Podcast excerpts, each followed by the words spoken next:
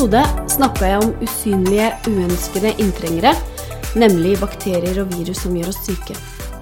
Heldigvis har kroppen vår et forsvarssystem som langt på vei beskytter oss mot sånne her inntrengere, og også reparerer oss ved eventuelle skader. Velkommen til Naturfaghjørnet.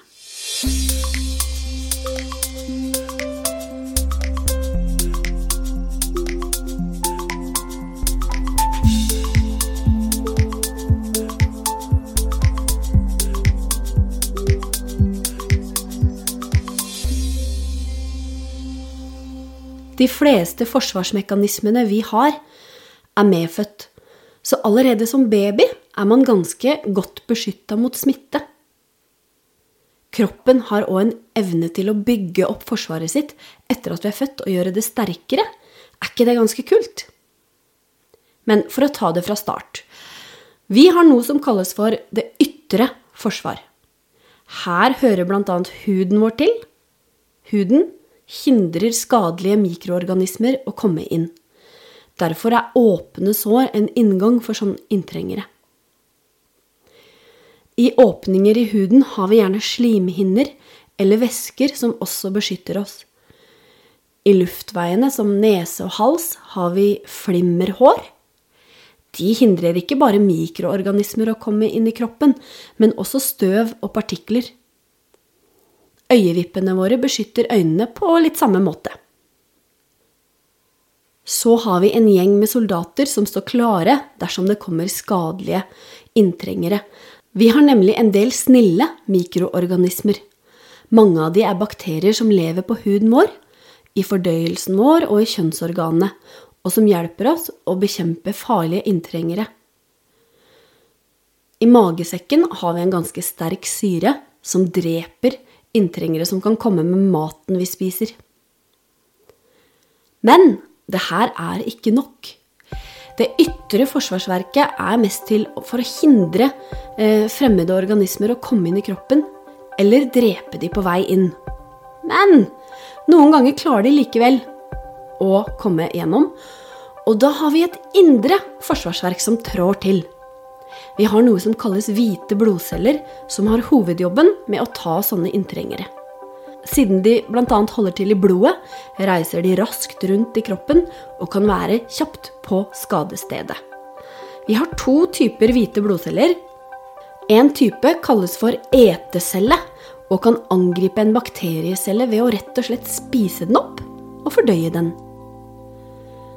Den andre varianten kalles angrepscelle Angrepscellene kan først og fremst registrere at en fremmed eh, inntrenger har kommet inn i kroppen, og lager da antistoffer. Antistoffer det er proteiner som fester seg på overflaten til denne fremmede cellen. Antistoffene er en måte å signalisere til etecellene at de her, hallo, hallo, disse her skal tas. Nesten som en markering. Noen av angrepscellene har også evnen til å huske inntrengeren. Så derfor, hvis den kommer tilbake en annen gang, så står kroppen vår klar med antistoffene og tar rotta på den med en gang. Vi sier da at vi har blitt immune.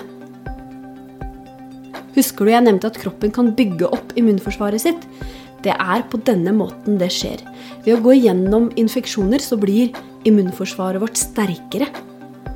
Og det er akkurat dette systemet eh, vi utnytter når vi lager vaksiner. Og mer om det kommer altså i neste episode. Helt til slutt så må jeg òg nevne kroppens evne til å reparere seg selv. Hvis det f.eks. har skjedd en skade på vev i kroppen vår, eller vi har fått åpne sår, så greier faktisk kroppen å ordne opp det meste selv. La oss si du har kutta deg i huden med en kniv og har et stort, åpent sår.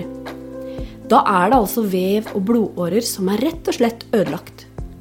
Og det første kroppen gjør, det er å blø. Og etter hvert vil blodet koagulere, dvs. Si, eh, det klumper seg sammen og etter hvert størkner og tetter såret. Etter hvert eh, vil det vokse nye, små blodårer inn i såret, og vevceller vil lage nytt vev. Og dette vevet her er ganske rødt og ganske tynt og legger seg over såret til huden vokser inn fra sårkantene og etter hvert dekker hele såret. Da får vi noe som heter arrvev.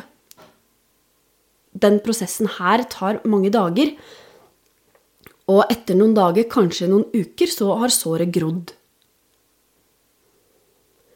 Så det var kort om eh, kroppen vår eh, sitt forsvarsverk, eller immunforsvaret. Ehm, jeg syns det er ganske fascinerende hvordan kroppen jobber for å angripe inntrengere og for å beskytte oss. Og så er det noen ganger vi trenger hjelp. Noen ganger så blir infeksjoner eh, overveldende, eller vi blir syke på andre måter. Og da trenger vi medisiner. Antibiotika, penicillin. Og vi kan også beskytte oss ved å bruke vaksiner. Eh, og det er nettopp det neste episode skal handle om. Hvordan vaksiner virker, og hvordan de nærmest har utrydda sykdommer.